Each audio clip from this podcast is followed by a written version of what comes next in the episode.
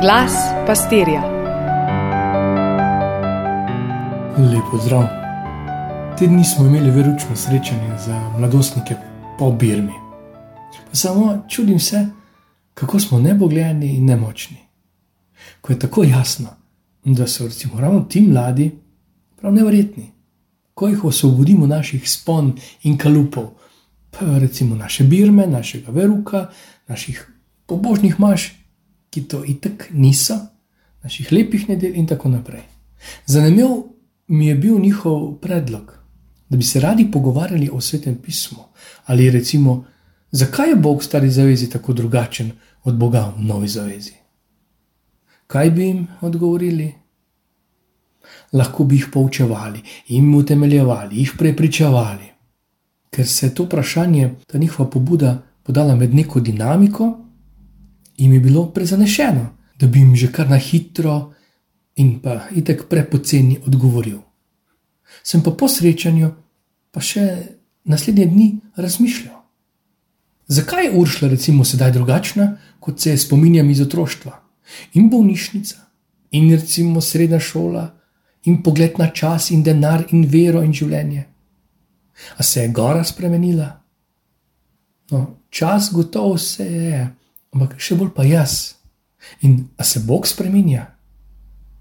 Gane me, Pavel, ko govori Timoteju tu v drugem berilu, ko mu reče: Ostani pri tem, kar si se naučil, že iz otroštva poznaš svetopismo. Po veri v Jezusa Kristusa ta pelja v rešitev. Oglašam se iz Međugorja, ker imamo eh, dneve duhovnosti. Razmišljam, kaj je potrebno, da nekdo pride v Međugorje kaj je potrebno, da nekdo v roke vzame rožni venec. Tu ga recimo ima v rokah skoraj vsak. Vsak drug pa okroli vratu, še posebej, če si italijan. Koliko je potrebno, da se recimo ujezim, da se razjezim, da nekomu zaprem vrata, mu ne dovolim več, da vstopa v moj svet, ali da mu ne odpustim, da mu zamerim. Koliko je potrebno, da moj boton ni več dovolj, da se pojavi kletvica, preklinjanje. Kaj je potrebno, da se vdam v svoje razvado, padem ponovno v greh? Koliko je potrebno, da se predam nasladam? Koliko je potrebno, pa kaj je potrebno, da začnem obupavati nad svetom, seboj, Bogom? Kaj je potrebno, da grem od doma? Koliko je potrebno, da se popolnoma predam? Ali pa kaj je potrebno, da spet poiščem Boga? Za res. Kaj se mora zgoditi, da iz dna duše zmolim Bogu, moja pomoč prihaja od Boga, ne bo me zapustil, Gospod je moj varoh, ne bo me zapustil. Molitev današnjega psalma. Se še spominjate evangelija prejšnjega tedna, gobovci, deset gobovcev? Kaj so morali dati skozi, da so si drznili priti do Jezusa, izobčenci, odrinjeni, prekleti? Od Boga in sveta, tako se doživljajo. Pa najdejo pot do Jezusa, poslednje upanje. In ko se zgodi, kar se v Bogu zgodi, slepi spregledujejo, hromi hodijo, gobavi so očiščeni, gluhi slišijo, mrtvi so obojeni, obogim se oznanja evangelij. Takrat se oni podajo v življenje. Jezus jih pošlje k duhovnikom, zveni pobožno, vendar od gobovcev zahteva mnogo več kot zgleda. Gobovci nimajo kaj iskati v javnosti, nimajo pravice do vstopa v mesto, kaj šele Samarijani, saj eden izmed njih je bil.